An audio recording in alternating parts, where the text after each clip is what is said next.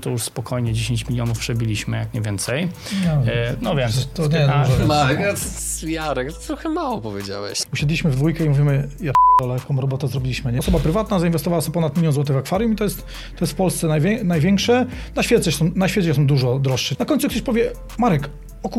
zajebiste. Jeżeli interesuje Cię biznes, przedsiębiorczość, pieniądze, zasubskrybuj nasz kanał i kliknij dzwoneczek. Partnerami przygód przedsiębiorców są IBCCS Tax, spółki zagraniczne, ochrona majątku, podatki międzynarodowe, Milky Ice. Tokenizujemy sprzedaż lodów w Dubaju i Abu Dhabi. YouTube dla biznesu.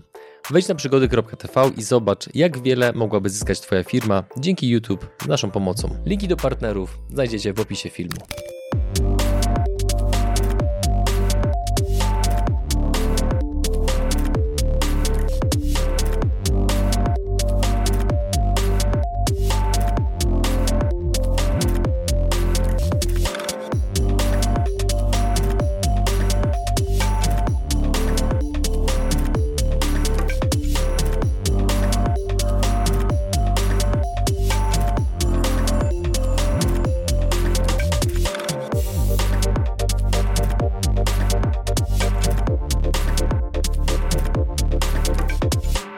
Dzień dobry drodzy widzowie, Adrian Gorzycki, Przygody Przedsiębiorców.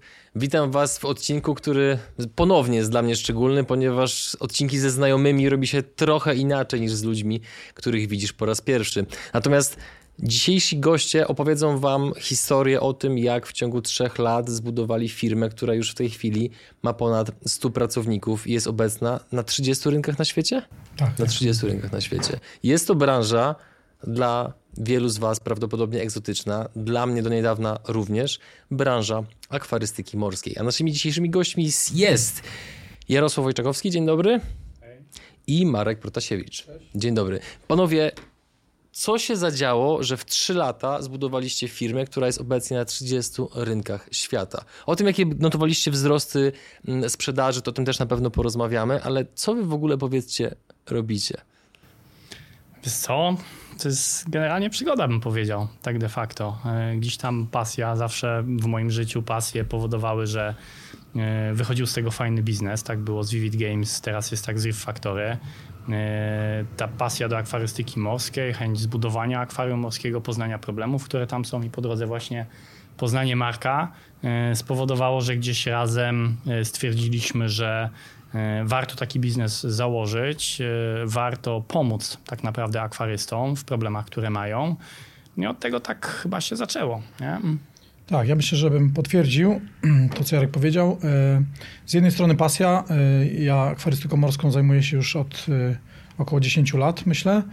E, Mam, e, miałem sklep z akwarystyką morską, później miałem hurtownię akwarystyki morskiej, później poznałem właśnie Jarka e, jako akwarystę, że tak powiem, morskiego. E, No i tak e, od słowa do słowa poznaliśmy się, zaczęliśmy e, przyjaźnić się, rozmawiać na temat akwarystyki morskiej, e, trochę bardziej się poznawać. Okazało się, że fajnie się, e, fajnie się uzupełniamy, bo Jarek miał fajne skille, ma, ma fajne skille, jeszcze ma lepsze niż wtedy miał, ma, ma fajne skille technologiczne.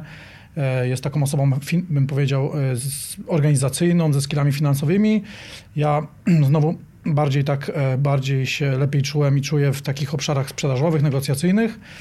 E, No i, no i gdzieś tam, gdzieś ta, ta akwarystyka morska nas połączyła. Za, zaczęliśmy sobie myśleć o takim pierwszym biznesie, jak moglibyśmy coś razem zrobić. No i tak od, od, od słowa do słowa gdzieś to tam nam się urodziło, zaczęliśmy coś tam wspólnie robić i fajnie nam się to układało od samego początku i po jakimś tam roku czy dwóch takiego przygotowywania się y, rozpoczęliśmy ten biznes. Dobra, znamy się, więc ja trochę będę bardziej bezpośredni. Teraz, tak jak, tak jak się przedstawiliście, tak, no, tej koledzy, połączyliśmy kompetencje, potencjały, coś się urodziło i w sumie nawet nie wiemy kiedy, mamy nagle wielomilionową firmę, zaledwie po trzech latach. Panowie, jakby ja poproszę trochę mięsa. Co wy takiego zrobiliście? Co zrobiliście inaczej? Jakie podejmowaliście decyzje? Jakie były po drodze być może błędy, wyzwania, że w tak krótkim czasie byliście w stanie tak bardzo wyskalować firmę? Bo to nie jest normalna sytuacja, o czym doskonale wiecie, bo jesteście w biznesie kupę lat. Dłużej niż ja. No. Powiedz, Jarek, powiedz mu prawdę, bo co wiesz. Nie będziemy ściemniali. Jak chce prawdę, to wal. To jest wszystko ściema. No, nie, nie, nie, no oczywiście. Wiesz co, myślę, że to jest tak de facto zlepek doświadczenia zarówno Marka, jak i mojego i jego tak jakby bardzo mocne nastawienie na dostarczanie wartości klientom, taką, którą oni rzeczywiście chcą kupić. I dwa, też super, super tak jakby skill e, w E, takim strategicznym myśleniu o sprzedaży i budowaniu tej sprzedaży w odpowiedni sposób, tak żeby rzeczywiście można było takie wzrosty wygenerować. No, a z drugiej strony, e, ja myślę z moją organizacją, doświadczeniem już nastoletnim e, z Vivida i zbudowania firmy międzynarodowej, która jest notowana na, na GPW. Tak jakby wiedziałem, w jaki sposób tą firmę zbudować, i myślę, że tutaj takim kluczowym wyznacznikiem to jest, y, to jest zespół, tak? Bo od początku my jasno stawialiśmy na wartości firmie. One były dla nas szalenie kluczowe i w pierwszej kolejności, kiedy zapraszaliśmy osoby do biznesu, to zatrudnialiśmy osoby, które są samodzielne, które y, potrafią y, realizować cele i które wyznają takie same zasady, jakie my wyznamy, wyznajemy. Dzięki temu tak naprawdę biznes dzieje się sam, tak? Dużo osób gdzieś tam po drodze mnie pyta, Jarek, jak ty ogarniasz, tu jesteś CEO, tam jesteś CEO, tu spółka giełdowa, tu z takimi wzrostami, czy ty dajesz radę, czy ty w ogóle sypiasz? Natomiast ja mówię, nie, wiesz co, to jest kwestia po prostu odpowiedniego zespołu, tak? Jeżeli wiesz, że masz ludzi, którzy e, którzy sami realizują cele, którzy te cele sobie wytaczają e, i i, i ci to dowożą, to masz dużo więcej czasu gdzieś tam na strategiczne myślenie, na, na, na kierowanie biznesem i wcale to nie wymaga teraz, wiesz, pracy 24 godziny e, na dobę. Także z mojej perspektywy myślę, że to jest główny sukces. Dobry zespół e, i nastawienie na cel. Tak, ja, ja myślę, że bym uzupełnił trochę. To jest, z Jarkiem tu się oczywiście zgadzam. Trzeba na to spojrzeć w taki sposób, że warto pracować na swoich mocnych stronach. I to jest, to jest chyba taka, taka mm, zasada numer jeden w biznesie, bo jeżeli pracujesz na swoich słabych stronach, no to mordujesz się sam ze sobą, a jeżeli pracujesz na swoich mocnych stronach, no to ci przychodzi to i po prostu łatwiej i wyniki są też lepsze. I, i to, co mówiłem, to ten nasz, takie, takie nasze spasowanie z Jarkiem od początku, my jesteśmy w pewnych, w pewnych kwestiach jesteśmy bardzo podobni, a w pewnych jesteśmy totalnie różni i to wychodzi w różnych miejscach, ale różni jesteśmy, tam gdzie jesteśmy różni, to są nasze mocne skille, tak? Czyli u, u Jarka jest coś jest bardzo mocną stroną i u mnie też to jest mocną stroną. I najczęściej w firmach jest tak, że firma jest albo bardzo dobra w produkcji, albo w dystrybucji. Wtedy jest firma produkcyjna, albo jest firma dystrybucyjna. I to jest najczęstszy model i to jest ok, tak jest na rynku. A u nas przez to, że z Jarkiem tak się zgraliśmy fajnie, to jeżeli mogę się tak pochwalić, to jesteśmy mocni w, powiedzmy w, dystrybu- w, w produkcji, tak? I jesteśmy mocni w budowaniu dystrybucji. Przez to możemy oba te obszary szybko skalować w taki sposób, patrząc. No i druga rzecz, to jest to, co Jarek już powiedział i warto to mm, jeszcze bardziej jakby podkreślić, to jest to, że spółka była przygotowana od samego początku do skalowania. Także zaplanowaliśmy to w taki sposób i o dziwo po iluś latach zrobiliśmy sobie retrospekcję I te nasze plany się zgadzały. I to było takie ciekawe, bo nawet inwestorzy byli w szoku, że te plany się zgadzają. Chcesz spotkać się z gośćmi wywiadów na żywo, w realu? To możliwe. Wpadaj na eventy przygód przedsiębiorców. U nas nie ma sztampy i byle jakości. Są za to mega atrakcje, przemyślany networking, ogrom wiedzy i skuteczni przedsiębiorcy. Wejdź na stronę przygody TV slash kalendarium i sprawdź, gdzie wylądujemy następnym razem. No i teraz właśnie, powiedziałeś ważną rzecz, ja sobie tutaj zajrzę do swoich notatek. E, a propos przygotowania spółki do skalowania. To tak, w drugim Co roku. pytać o takie rzeczy, powiem mu? W drugim roku działalności mieliście 1000% wzrostu sprzedaży. Tak. tak. Zawsze ktoś się może upierać, że no pewnie mieli niski punkt, od którego zaczynali, więc taki wynik. No dobra, ale w trzecim roku mieliście 500% wzrostu sprzedaży, a w tym roku będziecie mieli między 300 a 400%. To są chore liczby. Więc jak się przygotowuje spółkę do skalowania, oprócz tego elementu HR-owego, o którym mówiliście, aczkolwiek gdybyście chcieli go też rozbudować, to również się nie pogniewamy. Trzeba się dogadać ze wspólnikiem najpierw, bo nie wyjdzie to skalowanie, jak się nie dogadasz. Tak w jaki sposób wydaje. dogadujesz się ze wspólnikiem? Jak to w jaki zrobić? sposób? Nauczyłem się, y, jak z nim rozmawiać, żeby go przekonać do pewnych rzeczy po mojej stronie, bo zawsze są dwie strony medalu, bo to jest tak, że jest Jarka strona i moja strona jakby w tym biznesie. Więc y, jeżeli mówimy o takim, y, o takim rozwoju z punktu widzenia rynku, tak, bo żebyśmy mieli odpowiedni przychód, no to musimy no to musimy te pieniądze dowieść, tak? Czyli musimy odpowiedni mieć, no, żeby mieć odpowiedni przychód, musimy mieć odpowiedni przychód. Okej. Paulo Więc, Coelho, e, tak blisko. Tak, tak, bardzo, mądra, bardzo mądre zdanie. E, Ale no, żeby, żebyśmy mogli w ogóle zaplanować ja- jakiś przychód, no to tak naprawdę to nie jest tylko sprzedaż, która e, sprzeda produkty, tak? To jest dużo więcej, no bo ta sprzedaż musi urosnąć, do tego będą potrzebne dodatkowe boostery, tak? Czyli coś, co pozwoli na odpowiedni wzrost, a to będzie wymagało zaangażowania całej firmy, w tym prawdopodobnie R&D, tak? Więc jeżeli ja bym, jeżeli ja przedstawiłbym taką wizję Jarkowi, no to muszę najpierw pokazać, uzasadnić mu to, że to jest logiczne i, i to ma rację bytu i wtedy w dwójkę siedzimy i rozmawiamy, czy jesteśmy w stanie to w ogóle zrobić. Później przekładamy to na liczby, tak? Musimy to bardzo precyzyjnie przeliczyć, no i wtedy zaczyna się toczyć cała machina jakby. To jest jakby z mojej strony wizja, tak? I teraz warto Jarka dopytać, jak on to widzi. No to na pewno, tak, bo natomiast ja jeszcze trochę się może cofnę do klienta, e, bo, bo to jest klient premium. E, To jest klient, który mocno tak jakby angażuje się z branżą. Ja myślę, że też dużo w tym wszystkim pomaga nam to, w jakiej branży my jesteśmy, bo to jest niszowa branża, ale z drugiej strony klient ma duży portfel, e, jest klientem, który jak się zakocha w branży, e, w twoich produktach, to, to będzie je kupował, więc to też tak de facto z jednej strony jest proste, z drugiej strony jest trudne i myślę, że też taką bardzo ważną rzeczą, o której jeszcze na początku nie powiedzieliśmy, znaczy trochę mówiliśmy, ale nie wprost, to to, że no bo jesteśmy akwarystami, tak, więc tak jakby nasze urządzenia i nasz system, który robimy, on rozwiązuje realne problemy, tak? I to nie są jakieś takie błahe problemy typu gdzie wypić kawę, tylko problemy typu masz akwarium, w którym masz życie za pół miliona złotych, wyjeżdżasz na wakacje, coś ci się dzieje w tym akwarium, wracasz i nagle wszystko, co było w środku, zdycha, tak? Pół miliona do kosza. Tak? Już pomijam tak jakby aspekty gdzieś tam emocjonalne, bo ludzie wiążą się z tym, z tym życiem, które mają w tym zbiorniku, ale też finansowe. A my te problemy rozwiązujemy. Ja tak de facto na starcie, jak budowaliśmy ten system razem, no to Marek wtedy jeszcze do swojego sklepu, ja do swojego akwarium, my to robiliśmy dla siebie. Tak, bo chcieliśmy e, zabezpieczyć się przed ewentualnymi problemami. Ten, ten system, który mamy, moje akwarium już kilkukrotnie uratował, bo, bo nie było mnie w domu, coś by się stało. U Marka to samo na sklepie e, też było, e, więc to, to tak de facto myślę, że to jest klucz problemu, tak? że, że my rozwiązujemy problemy ludzi.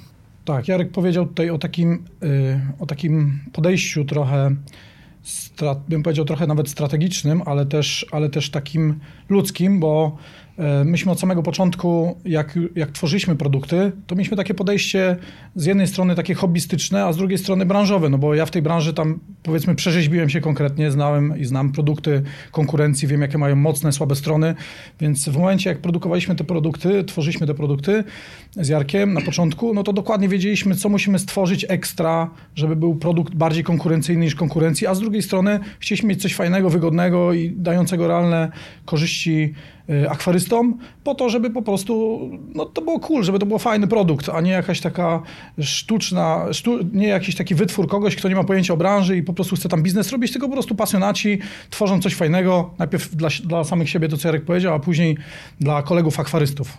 Tak? No, no właśnie, no bo żeby tak osiągnąć takie tempo wzrostu, no to między innymi trzeba... Wyciągnie z nas, wyciągnie z nas. Za wszelką cenę. Żeby osiągnąć takie tempo wzrostu, no to musicie właśnie bardzo precyzyjnie trafiać w potrzeby waszych klientów. I to jest taka, powiedzmy, prawda, taka oczywistość, taki truizm, który można zastosować praktycznie w każdej branży, natomiast nadal, takie jest moje doświadczenie, rzadko spotyka się firmy, które mają aż tak bardzo dopasowany produkt do potrzeb konsumenta, co pozwala rosnąć w kształcie kija hokejowego. Więc jak u was na tyle, na ile możecie powiedzieć, bo zakładam, że ten materiał również obejrzy konkurencja. Pozdrawiamy. Na tyle, na ile możecie powiedzieć, jak wygląda u Was właśnie proces projektowania, że potem klient, tutaj możemy wstawić taki charakterystyczny mem, robi shut up and take my money. Jak, jak to się dzieje? Wiesz co, no myślę, że to tak de facto wynika z tych potrzeb, które my mieliśmy jako akwaryści, e, z, dos- z, z- wiedzy Marka na temat branży i tak jak wspominał na temat e, urządzeń konkurencyjnych, więc tak jakby wie, jakie tam są niuanse, jakie są problemy, gdzie dają przysłowiowej dupy, e, więc łatwo tak jakby nam jest te pola ogarnąć, a z drugiej strony myślę, że też dużą taką naszą przewagą jest moja wiedza technologiczna, no bo ja jednak ponad 20 lat programowałem. Czasami jeszcze mi się zdarza, bardzo rzadko, ale mi się zdarza. I, i to bardzo dużo daje, bo w większości firm konkurencyjnych, które są, to zazwyczaj to są spe, specjaliści branżowi, ale nie technologiczni. I często te rozwiązania, które proponują klientom, one mówiąc tak wprost są toporne, taki wiesz, Windows 9.8, coś, coś w tym klimacie. I, w, I wtedy tak jakby dzisiejsi klienci, którzy są przy, przyzwyczajeni, ci ekskluzywni klienci do jakiegoś iPhone'a, do, e, do drogich samochodów, które mają fajne rozwiązania, nagle zderzają się z taką ścianą i mówią, o kurde, to ja sobie z tym nie poradzę. A nasze, nasze produkty są dużo fajniejsze i dzięki temu ci klienci po prostu to pokochali i, i chcą kolejne. To myślę, że też jest duże, duże clue w kontekście e, samego e, produktu, który mamy. Czy wasi klienci już któryś z nich użył takiego sformułowania, że pośród konkurentów jesteście takim trochę iPhone'em pod kątem tak, użyteczności, tak. Często, słyszymy, często słyszymy właśnie takie stwierdzenie, że jesteśmy kreatywni, że mamy takie po poczucie stylistyki, że nasze produkty fajnie się wyróżniają na tle branży E, ja może uzupełnię to, co Jarek jeszcze powiedział też odnośnie produktów, bo mhm. tutaj może warto, żebym ja powiedział e, trochę, bo Jarek, e, na przykład mamy takie różne spojrzenia na pewne rzeczy i to się fajnie sprawdza w wielu miejscach, tak, że przy tworzeniu produktów, znowu Jarek jest perfekcjonistą, w ogóle jest perfekcjonistą, a ja jestem osobą, która jest zainteresowana efektem, tak, czyli dla mnie najważniejsze, żeby coś było, spełniło swoją funkcję i było w miarę szybko. Czyli tak? good enough good enough, tak? I jak mhm. łączymy te dwa obszary ze sobą, to wychodzi to mega dobrze, bo po prostu się zderzymy w pewnym momencie ze sobą i gdzieś znajdziemy ten kompromis i wtedy ten produkt będzie odpowiednio dopracowany i będzie fajnie wyglądał, będzie miał super apkę, tak jak Jarek mówił, ale go wydamy w odpowiednim tempie.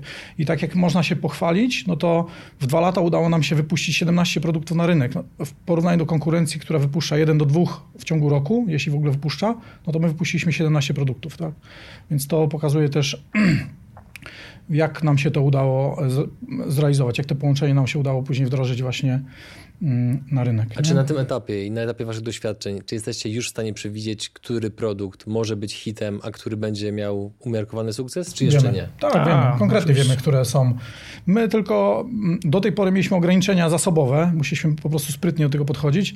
W tej chwili się skalujemy, przygotowujemy się do do prawdziwej ekspansji, więc y, troszkę, za chwilę troszkę to podejście będzie, znaczy troszkę będzie inne podejście, no bo w tej chwili nasz zespół, dotychczas nasz zespół mniejszy, teraz się ostro skalujemy, tych, tych osób w, firmie jest dużo więcej. Mamy dwa działy R&D, gdzie, gdzie, gdzie ta, tam są osobne, są dyrektorzy, którzy tym zarządzają, są osobne teamy, więc, więc te, ten przyrost tych produktów, jakość i, i jakby strategiczny wybór tych produktów całkowicie się zmieni, tak? Mhm. A czy jesteście już na tym etapie, że obserwujecie, że konkurenci podrabiają wasze produkty? Zdarza się. Zdarza się. No, niektóre rzeczy kopiują, tak? To jest chyba normalne, nie? Natomiast jeszcze troszkę wrócę do tego skalowania, mhm. bo myślę, że to też jest istotne. E, warto jest tak jakby nadmienić, że e, w 2019 roku, kiedy my zakładaliśmy e, spółkę, to to, to był okres, w którym gdzieś tam własne środki z Markiem przeznaczyliśmy na rozwój biznesu. Zauważyliśmy, że te produkty, które mamy są już na tyle dojrzałe, że warto byłoby je sprzedać, mówiąc wprost, klientowi końcowemu. Znaleźliśmy wtedy y, fundusz Venture Capital, który y, zainwestował w nas wtedy milion złotych. I tak de facto ten milion złotych dał nam boosta do tego, żeby te wzrosty, o których tutaj mówiliśmy, y, wy, wygenerować. W zasadzie na tym milionie plus jakimś tam lekkim finansowaniu bankowym dojechaliśmy do 2021 roku y, z zespołem już mniej więcej około 80, 70, 80 osób, y, więc, więc to fajnie, fajnie, fajnie się udało tutaj podziałać. Mm, no zakładam, i... że już sprzedaż w tym czasie była, no bo tak, 70 znaczy, w zasadzie byśmy nie, nie utrzymali raczej. Nie? Szybkie tempo rozwoju sprzedaży. Od 2019 roku mieliśmy okay. pierwszą sprzedaż, dziś tam małą, bo małą. W 20 już była troszkę większa, o te 1000%. E, w 21 kolejne 500, więc tak jakby przychody fajnie nam tutaj idą e, w górę. Jakby tam posumować wszystkie przychody, to już spokojnie 10 milionów przebiliśmy, jak nie więcej. No, e, no wiem. To nie a, Marek, Jarek, trochę mało powiedziałeś. No, no to już jakby nie, nie, ten, Jasne. nie No, natomiast przychody są fajne, fajnie coś się skaluje. Fajne jest też to, że dzięki temu, że mm, takie wzrosty zrobiliśmy, udało nam się odpalić drugą rundę e, teraz w, pod, pod koniec maja na przełomie czerwca. E, tam pozyskaliśmy 12 milionów, także to już są, dzięki, to już są dużo fajniejsze pieniądze, które pozwalają nam zeskalować zespół i tak de facto wejść na kolejny poziom, tak? bo, bo my w wielu miejscach robimy rzeczy, my to tak nazwaliśmy smart, tak? To znaczy z jednej strony y, robimy coś porządnie, żeby to było tak jakby zgodnie z zasadami, z innymi rzeczami, ale z drugiej strony jesteśmy mocno skupieni też na, na efekcie i na tym, żeby to było szybkie, tak? Żeby też teraz, wiesz, nie wymyślać jednego produktu nie wiadomo jak długo, tylko starać się zrobić go jak najszybciej y, w taki powiedziałbym inteligentny i, i trochę cwany sposób, bo, bo zawsze można różne rzeczy robić w różny sposób. Czasem możesz wydać na coś 5 milionów, czasem możesz wydać 500 tysięcy. Jeżeli jeżeli tylko chwilę się pomyślisz, e, chwilę pomyślisz e, i, e, i, i pójdziesz inną drogą, tak? Także to też myślę jest czymś, co, co nas wyróżnia, że mimo tego, że robimy naprawdę fajnie dużo, dużo rzeczy, to, to, to robimy to po prostu z głową. I, I efekt jest z tego, jaki jest. E, no i druga też bardzo ważna rzecz to jest kwestia skalowania tego zespołu, tak? To znaczy my już od samego początku e, bardzo mocno skupialiśmy się na tym, żeby mieć odpowiednich menadżerów, odpowiednich dyrektorów i to osoby z doświadczeniem, tak? Także zawsze staraliśmy się wyciągnąć e, ciekawe osoby do, do spółki. E, ostatnio, e, znaczy ostatnio, w zasadzie na początku roku udało nam się na przykład wyciągnąć e, osobę, która w Apatorze, to du, duża znana firma, była dyrektorem produkcji, teraz jest u nas. Udało nam się ostatnio też wyciągnąć Bartka Arcichowskiego z Fibaro, tutaj osoby, które interesują się inteligentnym domem, na pewno firmę znają. Bardzo fajna firma, ponad 400 osób. Był tam CTO, teraz jest u nas CTO w dziale R&D e, i pozwala nam tam rozwijać nowe e, urządzenia i parę takich ciekawych osób jeszcze do zespołu dołącza, dołączy, e, co myślę, że spowoduje, że naprawdę no, będzie, będzie grubo. No i, I tutaj właśnie chcę podrążyć. W jaki sposób pozyskuje się tego typu talenty? Chciałbym, żebyście nas zabrali tak dosłownie na jedną czy drugą rozmowę, bądź cykl rozmów, które się odbyły, ponieważ jak ja słyszę tego typu historie, to od razu mi się przypomina scena z filmu, który na pewno widzieliście, gdzie e, Steve Jobs do Steve, Phila Scaleya mówi, chcesz ze mną zmieniać świat, czy do końca życia no, lepiej, żeby się tak nie skończyło u nas. No wiadomo, jakby to było później, nie? Ale no właśnie chodzi o to, że no... no mniej więcej tak to wygląda właśnie. Tak, myślę, to, tak, tak. Po mojej stronie tak podobnie to wygląda, tak. Co, no, ludzie, te, ludzie na takim poziomie, mhm. tak, którzy gdzieś już coś osiągnęli, oni szukają wyzwań. Dokładnie. Mhm. E, I zazwyczaj, kiedy już osiągniesz jakiś sukces w jakiejś firmie, jesteś na jakimś poziomie, to masz fajne pieniądze, ale te wyzwania już tak nie do końca są tym, co, co było na początku. Bo, to, bo to są procesy, są ludzi.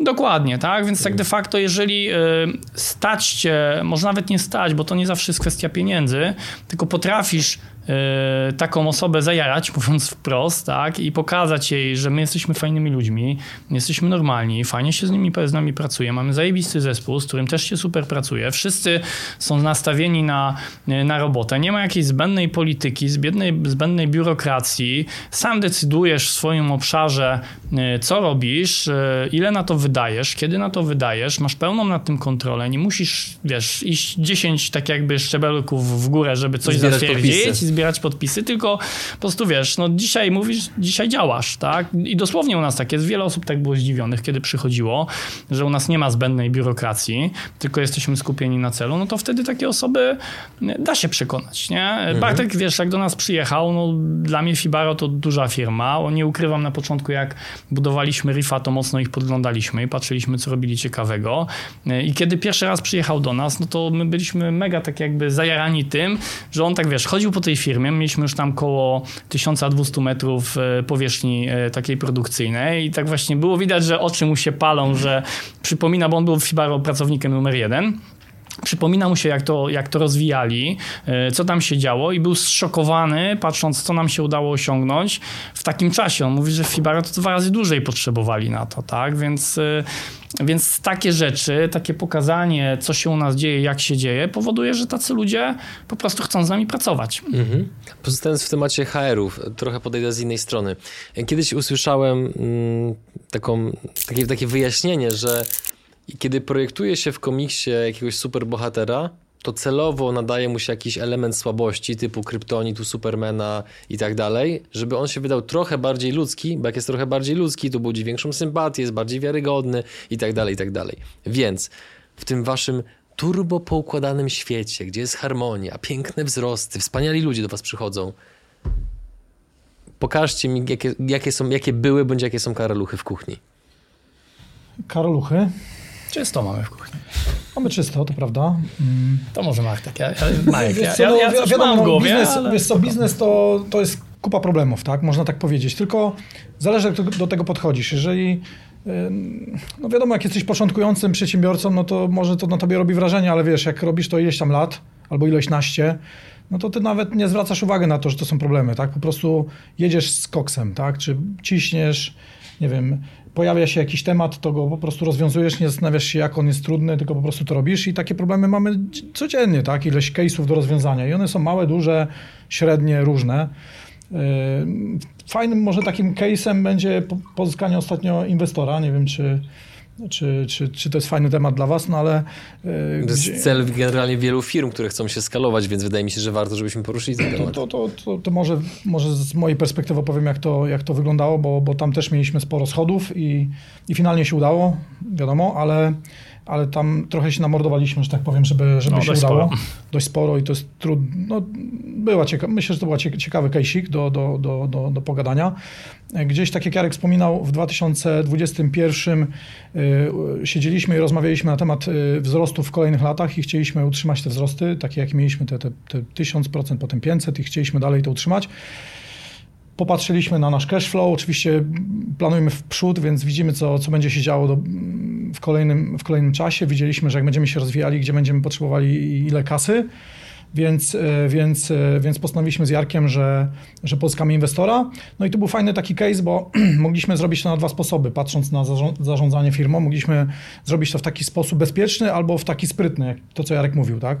Więc e, mówię o sprytny, o tym naszym podejściu, które mamy ostatnio wpisane w wartości firmy. Więc, y, więc mieliśmy taką sytuację, że wybraliśmy strategię troszkę bardziej ryzykowną, ale z głową, gdzie wciąż prowadzimy spółkę w taki sposób, kiedy mm, wiemy, kiedy będziemy mieli, określamy sobie, kiedy będziemy mieli w ogóle inwestycje, czyli patrzymy na cash flow i wiemy, kiedy ta inwestycja będzie nam potrzebna i inwestujemy w konkretne miejsca w firmie, tak, w konkretne projekty. I, I podjęliśmy decyzję z Jarkiem wspólnie, że idziemy taką strategią i z jednej strony pozyskujemy inwestora, a z drugiej strony prowadzimy tak tą spółkę, jakbyśmy byli pewni, że ten inwestor wejdzie w odpowiednim czasie. Tak? Czyli jedziemy po bandzie. mówiąc Czy jedziemy po bandzie, tak? I możecie sobie, no naprawdę dla nas, no była historia. Pół roku mieliśmy konkretne, takie, no, no, może na końcu powiemy, co, jak to wyglądało, ale yy, no i podjęliśmy taką decyzję i, za, i za, zajęliśmy się tym tematem. Oczywiście wiadomo, no, byliśmy mega zajęci, no bo firma się skaluje, wszystko się dzieje, dużo tematów o nas op- oparte i nagle trzeba wyjąć wtedy trochę bardziej Jarka, bo, bo, bo Jarek miał doświadczenie i szukamy inwestora, przygotujemy ten, ten cały proces, to jest kupa roboty. No i tam ostro, ostro działaliśmy. Założyliśmy, że będziemy inwestora w marcu, tak, że finalnie nam wejdzie w marcu. Ciśniemy, robimy. Gdzieś tam, pamiętam, byliśmy w, chyba gdzieś tam chwilę przed marcem, e, czy nawet już w samym marcu udało się nam pozyskać wstępnie Venture Capital, który, który fajnie nas wycenił. E, chciał wejść, ale chciał wejść w modelu z koinwestorami prywatnymi, więc, więc dalej trzeba było szukać koinwestorów prywatnych. No ale mieliśmy już jakiś fajny komit e, na to. I To był lutym. lutym. był w sensie lutym, luty okej. ten podpisaliśmy. luty. Więc mieliśmy już fajny komit. Wiadomo, ta historia jest długa, nie będziemy, to nie jest bez sensu, żeśmy tyle, tyle czasu opowiadali o jednej rzeczy. Myślę, że, że to jest jakby może na osobny case spotkanie do przegadania, ale y, sytuacja była taka, że, że tak jak Jarek mówi, w lutym już mieliśmy jakiś tam komit, no ale ustaliliśmy, że w marcu mamy kasę na koncie, więc tutaj cashflow puch, tak, więc my ostro tam działamy, ciśniemy, szukamy, szukamy koinwestorów, Jarek uruchomił swoje kontakty, y, poodzywał się do różnych osób, no i co się stało? Wojna. Wojna na. Ukrainie. I co? W dniu, w którym de facto zbieraliśmy feedback od koinwestorów, okazało się, że jest wojna na Ukrainie. A my mamy cashflow, który spuchł, nie? Ostro spuchł, tak? Już Mhm. nie chciał więcej, nie chciał więcej dostawać, tak? Od nas. e, Jak to dyrektor Woda. finansowy, z którym współpracujemy, powiedział, cashflow mieliśmy na żyletę. Bardzo mi się to To, spodobało. to, było, to, to, co robiliśmy z cashflow, to już była taka naprawdę, chyba to już nie był, no to już było artystyczne działanie. sztuka była. Sztuka, tak, to już była sztuka. Naprawdę, to już mistrzostwo świata, to już... Ale poczekajcie, bo teraz opowiadacie o tym z luzem i z uśmiechem, ale czy wtedy nie było tak, że czuliście, że, jest, że robi się gorąco, że możecie z zakrętu wypaść? Co to jest normalne w biznesie, nie? Myślę, że kto nie ryzykuje, ten nie ma tak naprawdę. Natomiast ważne jest to, żeby w momencie, kiedy tak jedziesz po tej bandzie przysłowiowej albo na tej żyletce stoisz, to żeby mieć odpowiednie narzędzia, które pozwalają ci tym ryzykiem zarządzać. I tutaj tak jakby e, mamy odpowiednie rzeczy do tego. To nie jest tak, że idziemy na wariata. Jakiś przykład e, tej rzeczy, tego narzędzia? Strony po prostu odpowiedni cashflow, odpowiednie budżetowanie w mhm. spółce, kontrola nad finansami. Jak mogę e, przerwać raz tak Jarkowi, bo wiesz, żeby nie było to te nasze pliki to nie są takie pliki normalne, tylko Jarek jest artystą, jeżeli chodzi o Excela, tak? Żebyś miał świadomość. -hmm. To, co Jarek robi, to jest mistrzostwo świata, tak? W Excelach. I on tak spokojnie sobie mówi skromnie, że tam mamy jakieś pliki, ale wiesz, jak wpuściliśmy firmę od analizy e, wdrożeniowej do ERPA, czy w ogóle jakiegoś dyrektora finansowego, no to, no to chłopaki mówili wow, tak? Po prostu, -hmm. nie? Tak w skrócie mówiąc, więc mieliśmy jakiegoś tam Excela, tak? Mam już fuchę e, od Speedupa, e, od Tomka, który nas na początku zainwestował i mówi Jarek, jak skończycie już te biznesy, to ja ciebie biorę do funduszu i będziesz nam ogarniał wszystkie Excel dla wszystkich spółek portfelowych. Prze przerwałem ci, więc mamy jakiegoś tam e, e, Excela do, do tego, do cashflow, tak? I tam... Jakiegoś tam. O, jakiegoś tam delikatnego. Coś mamy, coś mamy. Także to, to myślę, że tak de facto nam po, pozwoliło zachować taką zimną krew. Mamy też partnerów, tak? Tutaj nie, nie ma co ukrywać. Mamy kilku partnerów, z, z którymi super się dogadujemy. Yy, tutaj wielkie podziękowania dla nich. Na pewno będą wiedzieli, o kogo chodzi. Yy, dzięki którym też przetrwaliśmy, bo mocno nas wspierali, mocno wierzyli yy, w nasz biznes i mimo tego, że gdzieś tam Wspierali w jaki były, sposób? Więc to no, y, pomoc w kontekście y, zamówień, które mamy, no. y, gdzieś tam, wiesz, wydłużone terminy płatności, różnego tego typu, branie części tak jakby odpowiedzialności, może odpowiedzialności to złe słowo, ale ciężaru? buforowania czy mhm. ciężaru na przykład stoku na siebie i tak dalej, nie? Więc zachowali się naprawdę profesjonalnie, po męsku bym powiedział i, i po prostu nam zaufali. Tak, nie? to było takie trochę, jak już o tym aspekcie rozmawiamy, to było trochę takie zarządzanie kryzysowe finansami, tego się nauczyliśmy. Tak. W to wchodziło wiele aspektów, tak? bo z jednej strony jakieś negocjacje, rozmowy, gdzieś musimy coś przeciągnąć, z drugiej strony musieliśmy gdzieś lepszą sprzedaż zrobić, więc też to robiliśmy, więc cały czas, cały czas goniliśmy na różnych frontach razem. Fajnie to wyszło. E, no, mówię, to, to jest raczej taki temat do przegadania osobno, bo to, to mnóstwo aspektów wchodziło. To takie też, myślę, że takie podsumowanie tego to jest takie podejście smart znowu i w tym miejscu też one się fajnie, fajnie sprawdziło. Daliśmy radę. No z drugiej strony, tak jak, tak jak rozmawialiśmy, gdzieś był ten temat tych koinwestorów i my ich tam cały czas szukaliśmy i pamiętam taką sytuację, jak siedzimy z Jarkiem Jarek mówi, no przegadałem z 20 czy z 30, no, z 20. I, no, i, i nic. I tak siedzimy, nie? I wojna na Ukrainie i tak sobie gadamy. I wiesz, ja miałem taką myśl wtedy, że no, normalnie bym sobie pomyślał, żebym się trochę, wiesz, zdołował. A tak sobie myślę, mówię, w sumie w komunikacji, czy w sprzedaży, czy w biznesie to jest tak. Jeżeli ktoś nie chce z tobą współpracować, kupić od czego, od ciebie, czy nie jesteś w stanie go przekonać, to są dwie rzeczy. Albo korzyści, które mu podajesz są chujowe, wytnijcie najwyżej to. To jest zbyt piękne. Albo, albo, albo źle się komunikujesz, po prostu źle zbudowałeś komunikację. I mówię, Jarek, spójrzmy na to w ten sposób, tak? I wtedy pamiętam, że popatrzyliśmy na tą prezentację, którą zrobiliśmy, w ogóle tą komunikację i zrobiliśmy ją jeszcze raz, tak?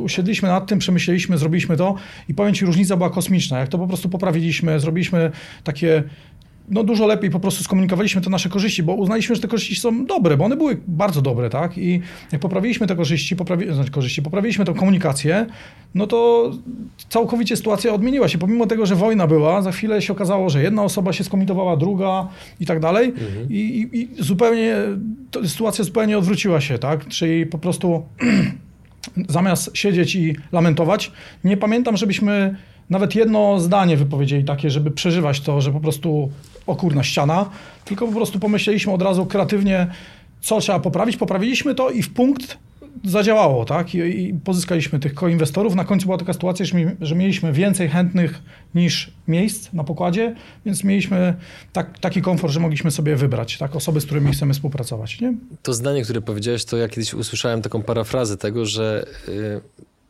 przestajemy sprzedawać najczęściej z dwóch powodów Pierwszy, albo coś spierdoliliśmy, tego też nie wypikamy, albo kiedy przestaliśmy to po prostu robić, więc to jest de facto to, co teraz mhm. powiedziałeś. Natomiast powiedzcie mi, no bo to chciałbym trochę podrążyć, no bo to jest taka, podejrzewam, podpowiedź dla wielu osób, które są nieco sfrustrowane, że chcieli, chcieliby mieć większą sprzedaż, a mają mniejszą.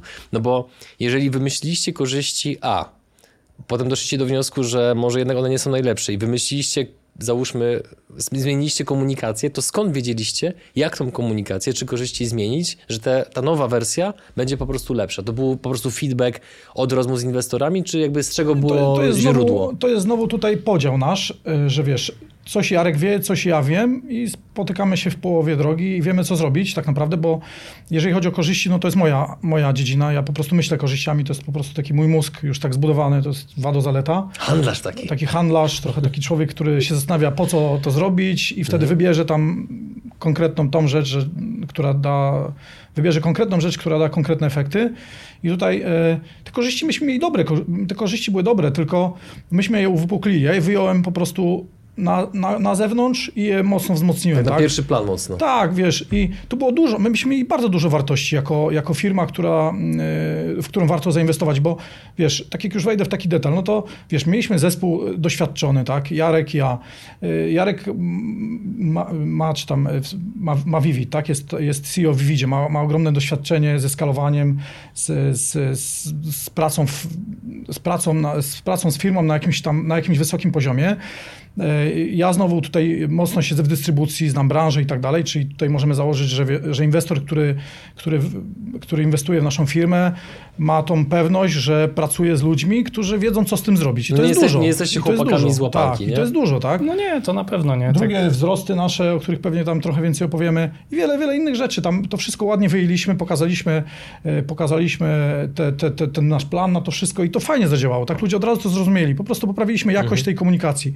I to była mega fajna, mega fajny case'ik, nie? Naprawdę mhm. dobrze to zrobiliśmy. Tak, zebraliśmy też feedback, tak? Od, od kilku osób, gdzieś tam z większym doświadczeniem, za który też dziękujemy, e, który też pomógł tak jakby spojrzeć nam na to e, z troszkę e, innej perspektywy. Natomiast ja bym chciał poruszyć jeszcze jeden aspekt, tak jakby w całej tej sytuacji związanej z szukaniem inwestora, bo to dla mnie był mega okres, znaczy był ciężki okres, nie ukrywam, dla wszystkich, natomiast to był taki mega czek, uważam, dla naszych menadżerów, dla naszych dyrektorów. Bo wiele osób w tym momencie po prostu, mówiąc kolokwialnie, bezpieprzyła, tak? E, bo widzieli, co się dzieje, widzieli, jak wygląda cashflow, widzieli, jakie tam mamy wyzwanie. Prostu, tak? Kasa się kończy, tutaj wiesz, z jednej strony, no tak jakby ktoś spojrzał na nas z boku, to powiedział debile, nie? Co oni robią w ogóle, nie? Tutaj zatrudniają osoby, tu wy, wynajmują jakąś nową halę, a z drugiej strony cashflow wygląda jak wygląda, inwestycji nie ma, normalny w cudzysłowie oczywiście, normalny człowiek, no to by tak jakby, wiesz, nadusił ten pedał ha hamulca, zatrzymałby tą firmę na, na te 6 miesięcy, kiedy my szukaliśmy tego inwestora i później znowu by ruszył, nie? No ale byłby 6 miesięcy w plecy, znowu tak jakby rozpędzenie takiego kolosa, to znowu jest kolejne kilka miesięcy, więc straciłby pewnie rok czasu, tak? My zaryzykowaliśmy, wierząc bardzo mocno w to, co robimy, bo, bo w wielu miejscach tak de facto to była wiara. Nie, nie było nawet sekundy, w której my z Markiem byśmy przestali wierzyć w to, co robimy. Nie? I to, to myślę było takim czymś, co napędzało i nas, i zespół. I, I, to był bardzo fajny sprawdzian dla, dla wszystkich, tak? Bo wszyscy zostali, wszyscy są z nami, wszyscy tak jakby, wiesz, dostali jaja teraz, bym powiedział, po, po, po tej szkole życia. Dzięki teraz, e, dzięki temu teraz tak jakby jestem dużo spokojniejszy o finanse spółki, e, bo, bo ludzie po prostu dużo się nauczyli wtedy, nie? To, to była taka mega lekcja życia, to jest, wiesz, kiedy ktoś ci daje pieniądze je wydajesz yy, i masz nagle dużą pensję, to dużo łatwiej ci się te pieniądze wydaje, nie? Ale kiedy przechodzisz historię w życiu, gdzie poczujesz, w cudzysłowie oczywiście, biedę i nie stać się na wszystko, albo nawet czasami nie stać się na podstawowe rzeczy, to później jednak trochę bardziej te pieniądze szanujesz i, i, i to widać teraz, nie? Bo, bo dyrektorzy naprawdę moc, mocno pilnują tych rzeczy, patrzą, więc tutaj też dla wszystkich super nauka z tego wyszła, nie? Mm. Powiedzcie, bo y, akcentowaliście to co najmniej dwa, trzy razy w swoich wypowiedziach. W jaki sposób wszczepia się w kulturę organizacyjną firmy i w sposób myślenia dyrektorów, menadżerów, pracowników sprytny sposób myślenia i postępowania? No to jest trudne. To jest, to jest no, być może to jest najtrudniejsze. Dlatego pytam. Y, to y, moim zdaniem y, potrzebne jest do tego zaufanie między, między powiedzmy, jeżeli rozmawiamy o dyrektorach, to między dyrektorami a, a nami, zarządem. Bez tego zaufania nie da się tego zrobić, tak? Bo na samym początku w firmie, jak się z Jarkiem poznaliśmy i zakładaliśmy ten nasz wtedy startup, to określiliśmy sobie wartości firmy. I w wartościach firmy mieliśmy m.in. feedback, szacunek i, i skupienie.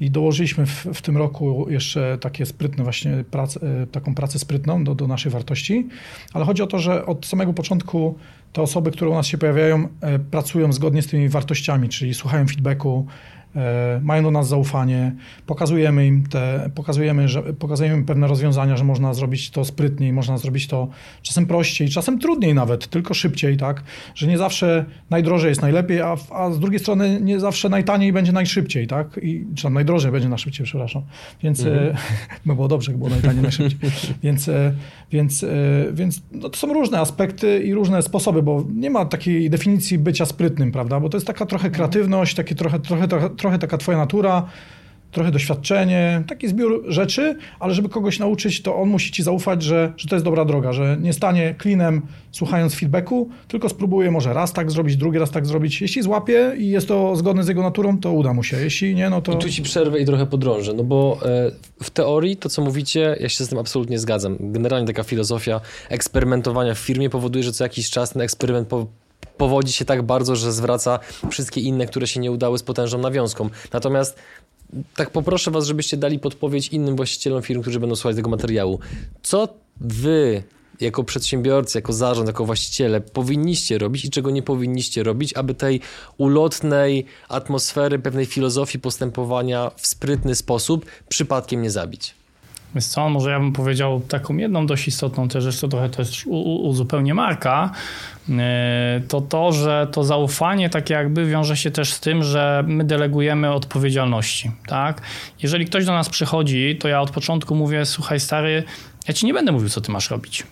Ja cię nie po to zatrudniam, nie? Jak będziesz miał problem, oczywiście możesz przyjść, możemy przedyskutować, możemy podpowiedzieć, możemy challenge'ować, ale na koniec dnia to to jest twoja decyzja, czy, nie wiem, wydasz na coś pieniądze, czy nie wydasz tych pieniędzy, czy zrobisz to w ten albo w inny sposób. I, i to, to zawsze fajnie widać tak jakby za pierwszym razem, nie? Bo, bo ludzie są często, zwłaszcza ci, którzy gdzieś przychodzą z, z jakiejś korporacji, nauczeni tych wszystkich procesów, tego zatwierdzania, tego, że szef musi przybić pieczątkę i tak dalej. Dokładnie, a ja wtedy tak jakby, wiesz, centralnie od ściany odbijam, nie? Ktoś przychodzi i się mnie tam pyta na przykład, czy kogoś może zatrudnić. Ja mówię, stary, mówię, nie wiem, nie mam pojęcia. Mówię, to jest twój obszar. Mówię, jak chcesz zatrudnić, to zatrudniaj, nie? Chcesz mieć no, kasę na tą osobę, to wpisuj w budżet. Jak uważasz, że on da ci odpowiednią wartość, to rób to. Ja ci tego nie powiem, nie? Jak chcesz, ja ci mogę co najwyżej doradzić, powiedzieć, co sądzę o tej osobie, ale na koniec dnia to jest twoja decyzja. I tak w wielu miejscach postępujemy i tą odpowiedzialność tak jakby zrzucamy najniżej, jak się da, to jest trudne i to wymaga też od nas tak jakby yy, no dużych jaj mówiąc wprost, cierpliwości też, ryzyka. akceptacji ryzyka. Natomiast wiesz, to jest trochę jak z wychowaniem dziecka, nie? Jak nie pozwolisz mu się wyłożyć raz, drugi, trzeci, to ono się nie nauczy chodzić. I, i tak jakby my, my, robimy dokładnie to samo w firmie. To jest trudne, ale już doświadczenie mnie nauczało, że to jest jedyna sensowna droga, kiedy nie chcesz wchodzić w, w mikromanagement i kiedy chcesz mieć czas na to, żeby po prostu myśleć o jakichś strategicznych rzeczach. Bo inaczej to się nie da, bo będziesz miał tyle rzeczy, e, to u nas naprawdę, wiesz, jest, jest yy, ile działów, nawet nie wiem, szczerze mówiąc, 8 działów, około, około 20 teamów, budżetów dla... Yy, wszystkich przedsięwzięć mamy ponad 30, więc jak ja miałbym być w każdym miejscu no, jest... i wiedzieć tak jakby, wiesz, co się dzieje, to chyba bym zwariował, nie? Już dawno bym osiwiał i już byśmy mm -hmm. nie gadali, bo bym miał dawno zawał. A to tak nie można, nie? Więc tak de facto myślę, że, że to jest klucz, nie? Żeby w odpowiedni sposób pracować z osobami, delegować im po prostu obszary, za które oni są w 100% odpowiedzialni, starać się im pomagać oczywiście i odpowiednio ich challenge'ować, mm, no i pozwalać im się, po prostu mówiąc kolokwialnie, czasami wyłożyć. Wiesz, to, to, to jest dobre pytanie, bo wiesz, ja je rozumiem, y, dlaczego je zadałeś i widzę je w praktyce pracy z ludźmi, że to wcale nie jest łatwe. To jest tak? mega bo trudne. To jest, mm. bardzo, to jest najtrudniejsza rzecz tak naprawdę dla nich, bo ludzie są przyzwyczajeni do, jaki, do postępowania zgodnie ze swoją naturą albo z tym, czego się wcześniej nauczyli, a najczęściej się uczyli właśnie pracy w taki... Bardzo zachowawczy. Tak, zachowawczy sposób. Ktoś mówi, co masz minimum, robić, nie? Tak, tak jak, rozmawiam, jak ja rozmawiam na przykład z kandydatami na dyrektorów sprzedaży, no to chwalą się wzrostem na poziomie 10%, no 20%, tak, no wow, tak, 20%. A mówimy potem, no tutaj mamy 500, tak, tu mamy 400 to jest kosmos, tak? Dla nich ta, ta przepaść, tak? To po prostu to jest przepaść w, w zarządzaniu sprzedażą, mhm. tak? Oni muszą, jeżeli tu do nas y, wdrożą się, przyjdą, będą z nami pracowali, no to będą musieli troszeczkę popracować nad pewnymi rzeczami, mają już jakąś wiedzę, fajnie, ale z drugiej strony będą musieli działać sprytnie, w punkt, bo jeżeli będą działali w taki sposób, jak pracowali, no to no to my się nie będziemy, nie będziemy się w ogóle rozwijali, no będziemy mieli wzrost 10% czy 20%, tak? I wtedy, wtedy będziemy to, to, co chcemy osiągnąć, osiągniemy za 20 lat, a my chcemy to osiągnąć za 3, tak? Na- Nadajmy trochę konkret temu, co powiedzieliście, bo y, to, co teraz y, wybrzmiało a propos pewnej akceptacji na błędy, na eksperymenty, myślę, że to już wiele osób słyszało, natomiast chciałbym, żebyście powiedzieli, jak wyglądała, na tyle, na ile możecie zdradzić, jak wyglądała i ile kosztowała największa pomyłka członka waszego zespołu. Ile straciliście przez to? Albo ile zyskaliście być może w długo, długotrwałym procesie? Co, szczerze mówiąc, nie mamy czasu na to, żeby tak jakby dokładnie to analizować. Nie, ja nie, nie przypomniałem sobie, żeby to była jakaś taka mega wtopa, która nas kosztowała naprawdę bardzo dużo. Oczywiście zda- zdarzały się jakieś drobne potknięcia, bo, bo w takim tempie, które mamy, y, łatwo błędy y, i, y, i czasami one się po prostu zdarzają. I zdarzało nam się, nie wiem, wypuścić jakiś produkt zbyt wcześnie na przykład.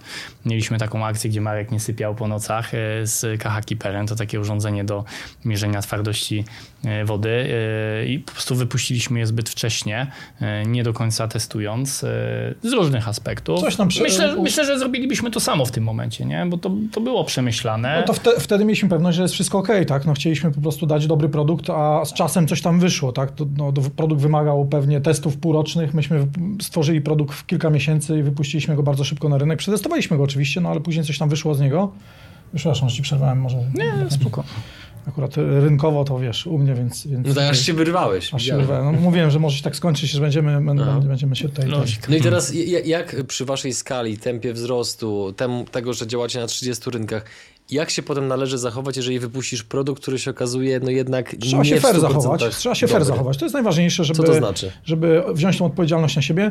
E, Wiesz, y, po tym jak, jak, jak zobaczyliśmy, co się dzieje, po tych nieprzespanych nocach, jak z, z, z branży, która nas, z przeproszeniem, no nie będę mówił kocha, powiedzmy lubi, tak, gdzieś tam naprawdę ludzie nas, mieli fajną nas zdanie, wszędzie o nas fajnie mówili, pisali, influencerzy, mnóstwo, branża dudni, jest, jest rewelacja, nagle w weekend wszyscy dudnią odwrotnie, tak? Hejt, krzyki, Ała. influencerzy, jazda, tak? Więc, y, więc miałem y, trochę nieprzespanych nocek, wyjaśniałem, rozmawiałem, pomagałem, rozładowywaliśmy te napięcia na różnych rynkach, w różnych miejscach. To było znowu, nauczyłem się wtedy zarządzania kryzysowego y, w, w takim, mm, powiedział może w komunikacji na, na wielu rynkach naraz. Uwierzcie mi, że ludzie są różni, to jest też temat na osobny program. Te różnice Tak, kulturowe. różnice kulturowe, zupełnie inaczej Niemcy się zachowują, inaczej Polacy, inaczej e, UK i tak dalej, no po prostu ludzie są różni i to jest, to jest okej, musimy, ba- w takim podejściu kryzysowym musisz działać znowu w punkt, musisz wiedzieć konkretnie, co możesz zrobić, tu, tu powiesz coś, jest inaczej odebrane, tu powiesz coś, jest inaczej, więc to było takie naprawdę parę nocy, gdzie, gdzie, gdzie to wszystko uspokoiliśmy, no finalnie przygotowaliśmy taki program naprawczy, zaproponowaliśmy branży dwa rozwiązania, jedno polegało na tym, że Naprawimy to urządzenie po prostu, tak? R&D w szybkim tempie e, przygotowało rozwiązania rewelacyjnie, tak? Czyli po prostu od razu wiedzieliśmy, co musimy zrobić, żeby ten produkt naprawić. E, A drugie rozwiązanie zaproponowaliśmy trochę atrakcyjniejsze, czyli po prostu e, zaproponowaliśmy wymianę produktu na nowszy model, bo w tym samym czasie, kiedy, kiedy robiliśmy ten pierwszy produkt, e, stworzyliśmy drugi produkt w tle, troszkę wyższy model, trochę łatw, może troszkę bardziej dopracowany, no bo on po prostu szedł równo, równo z tym, tym pierwszym, czyli równo robiliśmy dwa produkty, ten wypuściliśmy, a, a ten już, a ten drugi jeszcze dopra- zdążyliśmy dopracować, bo on wychodził później na rynek, więc był bardziej dojrzały. No i wpuściliśmy go szybciej na rynek, zaproponowaliśmy fajne rozwiązanie, że, że za jakieś tam Śmieszne za jakieś śmieszne pieniądze. Po prostu zaproponowaliśmy wymianę. Ludzie zapłacili jakąś tylko część, y, część, część y, jakąś część kwoty z tego Dopłacili wyższego modelu. różnicę Dopłacili tak de facto, różnicę. nie? tak, to drugim. Ugasiło pożar, rozumiem. Ugasi, myśmy, myśmy to po prostu zakomunikowali, przyznaliśmy się, y, zaproponowaliśmy rozwiązanie, do tego zaproponowaliśmy jeszcze to rozwiązanie na ten nowy model. Ludziom, części ludzi się to spodobało, no bo mieli jeszcze no, mieli nowy model, który, który jeszcze lepiej działa. E, No i z czasem gdzieś to, gdzieś ludzie nam wybaczyli, tak, to, to wszystko. Na niektórych rynkach szybciej, na niektórych później. Zaufali nam znowu i tą, tą reputację odbudowaliśmy. A na którym najpóźniej? E, Na którym najpóźniej... e, No trochę w Niemczech było, było takich, e, bo, bo Niemcy, Niemcy są, są bardzo skrupulatni, oni długo komuś, e, żeby, żeby zaufali ci Niemcy, oni potrzebują czasu, tak? Wchodząc na ten rynek, zaufali nam, myśmy się bardzo starali o to zaufanie, napracowaliśmy się, a później gdzieś to, gdzieś to zaburzyliśmy. No niespecjalnie, przecież nie chcieliśmy tego zrobić, ale oni są tacy, że oni nie wybaczają takich rzeczy. Bardzo się od razu y, dystansują od ciebie, tak jak miałeś przyjaciół, takich szybko tracisz. Na szczęście mieliśmy takich przyjaciół, gdzie, gdzie oni dalej w nas wierzyli.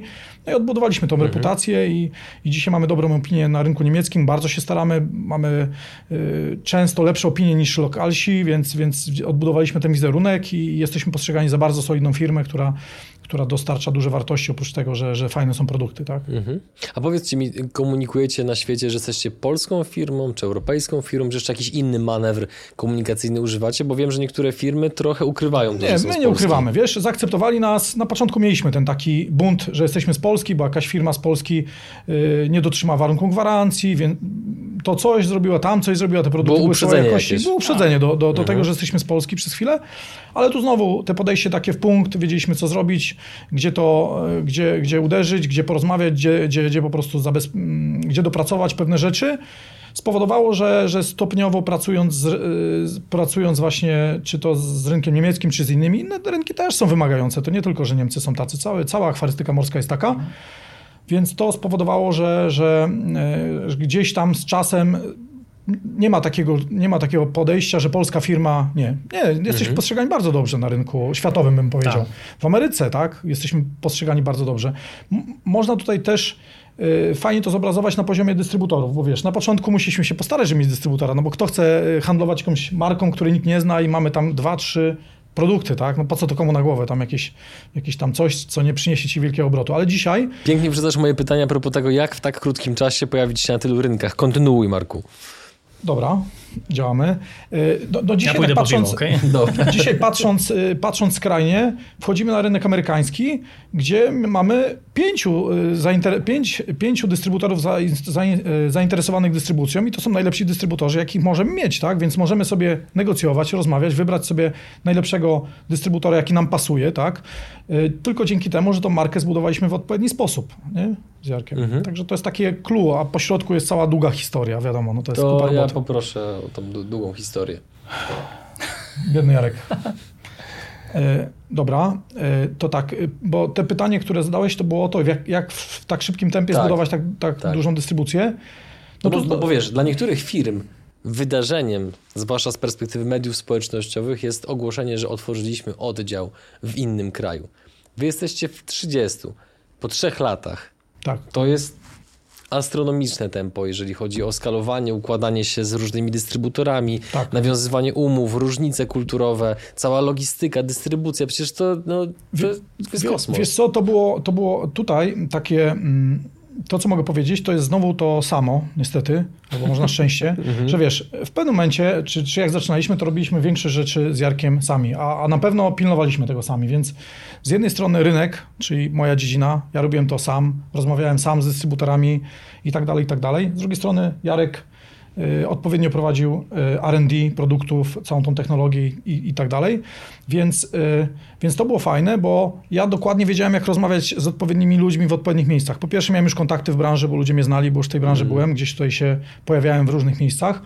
Po drugie, dokładnie wiedziałem, ja rozumiem tych ludzi, bo sam te problemy, które oni mają, miałem, tak, jako polski dystrybutor pewnych rzeczy, bo miałem tą, tą hurtownię e, akwarystyki morskiej w Polsce, więc ja tych dystrybutorów rozumiałem. Ja wiedziałem, co im powiedzieć, wiedziałem, gdzie nacisnąć, żeby zadziałało, więc, więc e, znając tą branżę, wiedząc, wiedząc e, czego oni oczekują, tak przygotowywałem się do rozmowy, żeby mi się udało, więc najczęściej mi się udawało po prostu. Jedna rozmowa, jeden dystrybutor mhm. i ten przyrost tych dystrybutorów był ogromny, bo po prostu prawie, że z każdej rozmowy już takiej sensownej mieliśmy konkretnego dystrybutora lub jakieś rozwiązanie na to, żebyśmy byli na tym rynku, bo nie zawsze mieliśmy dystrybutora.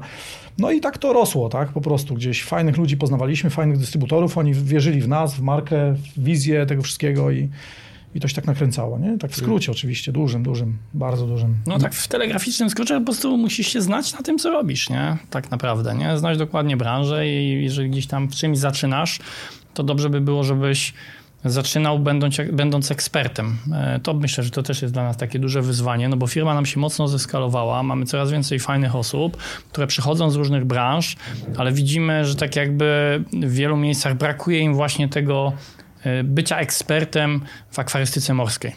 To też ich teraz męczymy e, dość mocno.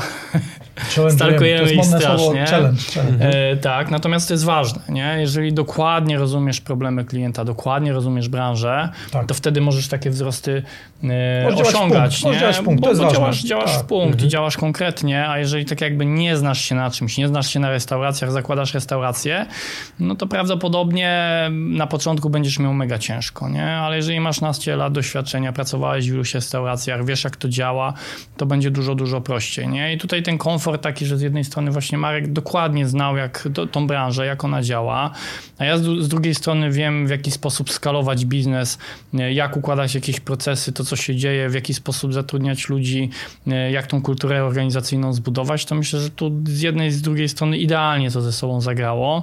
Dzięki temu jesteśmy w takim miejscu, w jakim jesteśmy i po trzech latach udało nam się zbudować zespół zajebistych osób ponad 100, e, fajne przychody, pozyskać fajną inwestycję, no i mieć bardzo ambitne plany na, na przyszłość, bo to nie tylko atwarystyka morska, ale też inne branże, w których gdzieś tam będziemy działać. Mhm.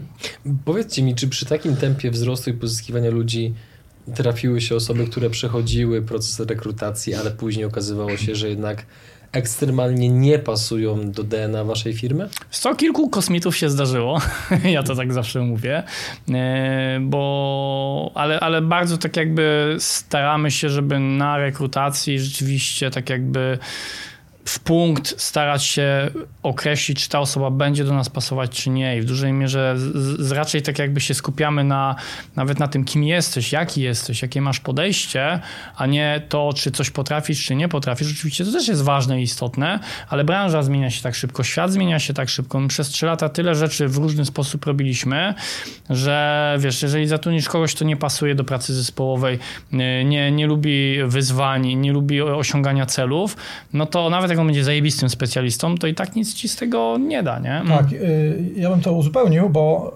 aktualnie mamy to mega dobrze dopracowane, bo jest nas więcej, mamy, mamy kogoś od People, mamy to poukładane, naprawdę fajnie to działa obecnie i, i, i, i, i mamy też lepsze doświadczenie i też wyczucie, jak, jacy ludzie do nas pracują, ale tak jak tu Jarek mówił, ktoś tam się od czasu do czasu trafił, nie było tego dużo, tak? I fajnie było, i fajne to było, że że jak ktoś się pojawił, to bardzo szybko po prostu gdzieś tam się, się nasze drogi się rozeszły. Oczywiście w szacunku i w normalnych dobra, klimacie. Dobra, tak, dobra, bez... dobra, fajnie, że dyplomacja, ale, ale wy zwalnialiście, czy wasz zespół no, ja, ja ci powiem fajnego case'a. Wiesz co, opowiem ci fajnego case'a. Opowiem ci takiego fajnego case'a, gdzie, gdzie mieliśmy y, jakiegoś, zatrudniliśmy pracownika, który, który miał być dyrektorem i, i był z korporacji, tak? I, I trafił na nas, gdzie my mamy, wiesz, tutaj rodeo i lecimy naprawdę ostro i to wszystko jest poukładane w taki sposób, że, że zarządzamy gdzieś naprawdę na takich, kurczę, wybranych elementach, które dają konkretną, mhm. konkretną wizję tego, co robimy, ale nie, nie rzeźbimy wszystkiego, nie ciągamy tego wielkiego ciężaru, takiego jak korporacja, tak? Czyli wiesz, jak coś planujemy, to od razu znowu podejście smart, to, to i to, liczymy, okej, okay, wychodzi, że będzie, będzie dobrze, mamy czuja jeszcze do tego, no na pewnym poziomie to też jest okej, okay. no i, i zaczynamy to gdzieś tam rzeźbić, tak?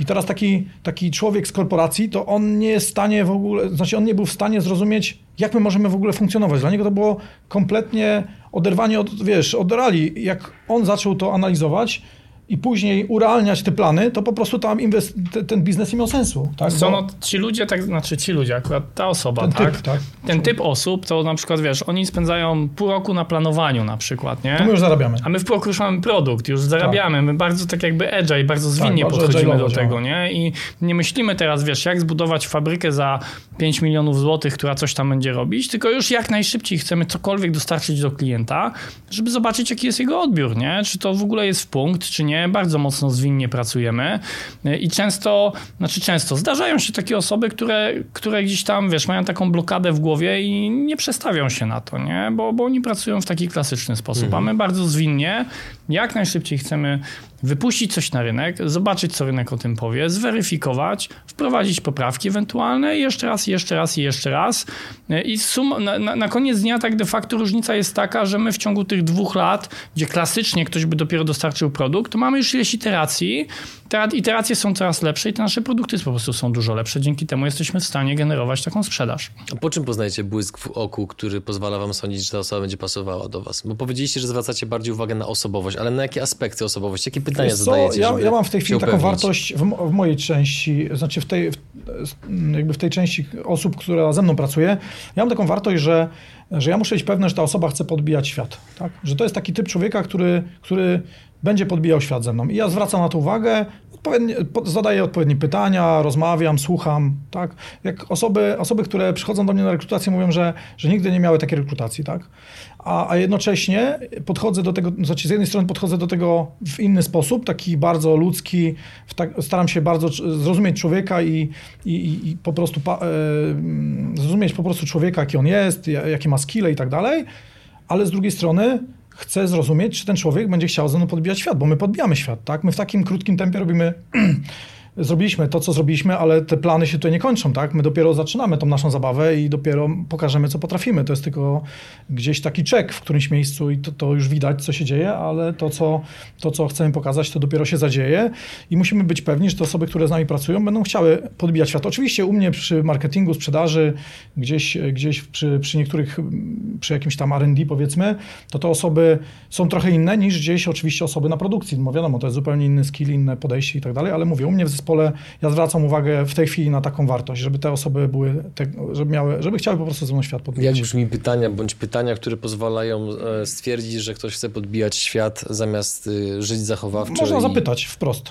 Nie? To trochę brzmi wariacko i, i osoba może się uśmiechnąć, ale jeśli, jeśli te A czy to osoby... pytanie nie sugeruje jednocześnie odpowiedzi, że ludzie mówią ci to, co chcesz Ale usłyszeć? wiesz, ludzie, no, oczywiście, no, na, o- na pewnym poziomie ludzie bę- powiedzą to, co chcesz usłyszeć, ale z drugiej strony, jeżeli rozmawiasz z człowiekiem, na, z kandydatem na dyrektora handlowego, no to to już jest mądry facet, który wie, czego chce i on nie chce się dostać do firmy, do której nie będzie pasował. Czyli jeżeli on będzie sobie cenił taki, wiesz, poukładany, może nie poukładany to jest złe słowo, taki bardziej 8-godzinny dzień pracy, w którym wchodzę, wychodzę, coś tam zrobiłem, tak, versus podbijam świat i nie patrzę na zegarek, tylko po prostu cisnę, no to on wie już, że szukam wyzwań, jestem w jakimś wieku, nie wiem, mam 3-4 dychy, powiedzmy 4 dychy, coś już porobiłem, ale mnie to trochę nudzi i teraz jest czas, żeby pokazać, co potrafię i to jest ostatni moment na to, żebym pokazał, więc, więc no, patrząc w taki sposób, no to no to, to możesz e, z jednej strony zapytać, a z drugiej strony usłyszysz, na, na, na czym mu zależy. No bo jeżeli on ma około 40 lat, wymordował się w swojej poprzedniej firmie, nikt go nie słuchał,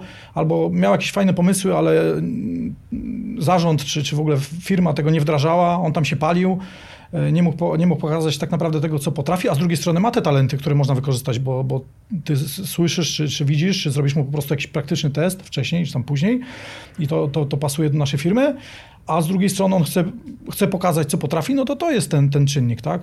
Wydaje mi się, że, że, że po tym można sądzić, czy ktoś, czy ktoś będzie chciał po prostu się zaangażować i pocisnąć, tak? Mhm. Tak, ważne jest też to, jakie on pytania zadaje, nie? No bo jeżeli ktoś się przygotuje, zrobi jakiś research, porozmawia z innymi osobami, które u nas pracowały, wyda, że tak powiem, trochę chęci y, i swoje, poświęcenia swojego czasu na to, żeby zobaczyć, gdzie będzie pracował, jest zajarany tak jakby tym, co robimy, w jaki sposób robimy, no to, to widać, to, to wiesz, to, to się nie da oszukać. Nie? Oczywiście zdarzają się czasami takie wyjątki, że, że kogoś zatrudnisz, e, a później się okaże, że jednak to nie to.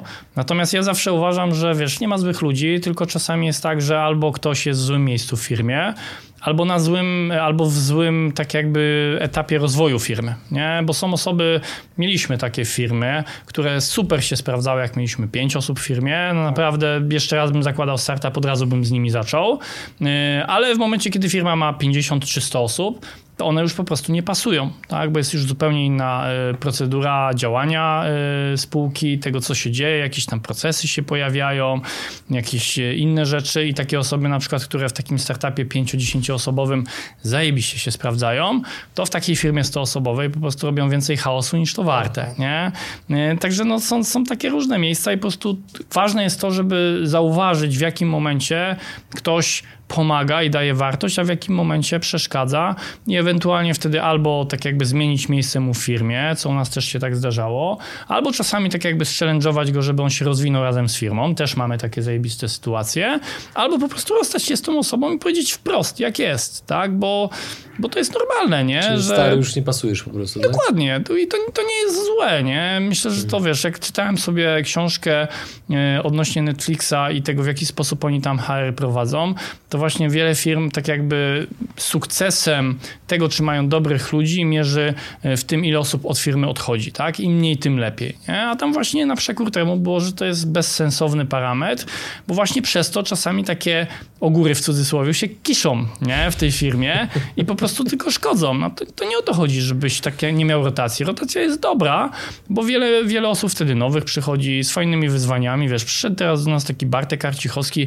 który był w Fibarach, miał 400 osób. Nie? Ja wiem, że jak teraz z nim będziemy działali, to dużo szybciej dojdziemy do tych 400 osób ze stówy, którą teraz mamy, niż robili, zrobilibyśmy to bez niego, bo on już to widział, on to przeszedł, nie? On wie, gdzie w jaką gdzieś dziurę można wpaść, na czym się przejechać i on nam pomoże. Yy a, a jak będzie mieli 400 osób, to może to już będzie dla, nie, dla niego za duża firma. Może on stwierdzi, panowie, zrobiłem swoje, idę gdzie indziej, nie? W Polsce niestety jest takie nastawienie, że y, jak już gdzieś zaczniesz pracować, to się wiesz, do trzymasz tego stołka do i najlepiej do, do, śmierci, nie? No bo masz pracę, nie? Mm. A, a często tak jakby nawet w, w, w Stanach czy gdzie indziej, nawet do zarządu zatrudnia się osoby na misję, tak? Jak firma się dynamicznie rozwija, to bierzesz ludzi na misję. Oni przychodzą, oni są zajebiści w tym, żeby zeskalować ci firmę od 100 do 1000 osób. Bierzesz taką osobę, ona to robi. Później bierzesz inną osobę, tak? Bo spółka, kiedy ma 100 osób, to jest zupełnie coś innego niż wtedy, kiedy ma 1000 osób, bo tam się już pojawia jakaś polityka, pojawiają się jakieś inne rzeczy, które kogoś, kto, wiesz, ma firmę 100-osobową, w ogóle nie jarają, nie? I w ogóle tego nie chcesz, więc tak, tak de facto to, no to jest ciągły proces tak jakby patrzenia na to, co się dzieje, kogo gdzie w jakim miejscu mamy, rozwijania tych osób, albo po prostu wymieniania i to nie jest nic złego. Skupiliśmy się bardzo mocno na HR-ach, bo jednak jest to super istotna rzecz praktycznie w każdej firmie, natomiast powoli też kończąc i jednocześnie robiąc ukłon w kierunku firm, które podobnie jak wy mają bardziej profil technologiczny. W jaki sposób mądrze i efektywnie dbać o własność intelektualną w tak szybko rosnącej organizacji? Co wy robicie? Na jakie, są, na jakie błędy można natrafić? Na jakie, jakie pułapki w tej sferze?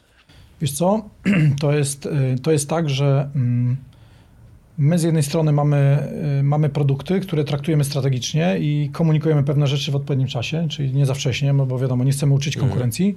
Z drugiej strony, jeśli y, wymyślisz coś na tyle innowacyjnego, że warto to opatentować, no to po prostu warto zadbać o patenty, tak? My też w tej chwili pracujemy nad, nad pewnymi nad patentami na niektóre rzeczy, na te rzeczy, na które po prostu fizycznie wymyśliliśmy coś naprawdę fajnego, innowacyjnego, no to, to, to dbamy o to, żeby były patenty. Mamy w tej chwili taki produkt, w ogóle powiem Ci, nie będę mógł Ci powiedzieć jeszcze, co to jest dokładnie, może następnym razem, ale robimy taki produkt, który jest mega kozacki, zmieni świat akwarystyki morskiej, e, po prostu mega odlot. Zainwestowaliśmy w to kupę kasy, czasu i nikt o nim nie wie. Tak? Nikt Dzięki nie wie. za rozbudzenie apetytu. Tak, ale nikt nie wie. Ale ro, ro, rozumiesz, nie pokazaliśmy nikomu, co robimy, a, a, robimy coś mega fajnego. I, i, I to jest numer jeden. Czyli skąd, za wcześnie... wiesz, jest, skąd wiesz, że to jest coś mega fajnego, skoro nikt tego nie widział? Znaczy, z jednej, znaczy nikt nie widział, kto, kto nie powinien widzieć. Może okay. tak powinien powiedzieć. E, więc y, po pierwsze, ja wie, jestem akwarystą. Po drugie, i tak w, tej, w, tej, w, tych, w tych szczeblach, w tych szczeblach, e, e, tych szczeblach, że mamy akwarystę, mamy sklep, mamy dystrybutora i tak dalej, no to ja w, tym, w tej drabinie byłem w każdym miejscu i jestem jeszcze. Z drugiej strony mamy dystrybutorów takich, z którymi bardzo blisko pracujemy, więc oni wiedzą. Są jeszcze akwaryści, którym Już bardzo... zacierają rączki? Bardzo, bardzo, tak? bardzo. Okay. Są akwaryści, którym ufamy, którzy z nami blisko pracują, pomagają nam. Nie, mamy po prostu taką rzeszę też akwarystów, którzy bardzo, bardzo, w bardzo zaangażowany sposób nam pomagają. Możesz sobie wyobrazić. Więc jest naprawdę sporo takich osób, które które są blisko nas i które nam pomagają, więc one, część z tych osób też widziała to i oni też to feedbackowali, tak? Więc oni wiedzą, czekają, są przygotowani, my to przygotowujemy do, do wypuszczenia. W tej chwili jest to już na jakiejś takiej fazie, że za chwilę będzie, będzie już, yy, no za jakiś, myślę, że za 3-4 miesiące wypuścimy na rynek. I to coś zajebiście tajemniczego będzie opatentowane? W pewnych miejscach, być może tak, pracujemy nad tym, mhm. co warto opatentować, Więc to tak, z jednej strony branża o tym nie wie, więc nie może tego podrobić, no bo, bo tego nie podrobi, bo o tym nie wie, no prosta jasna sprawa, ale z drugiej strony jak już się rozpędzimy, no to nawet jeśli by chcieli to podrobić, no to kurczę, dogońcie takiego pędzącego konia, nie?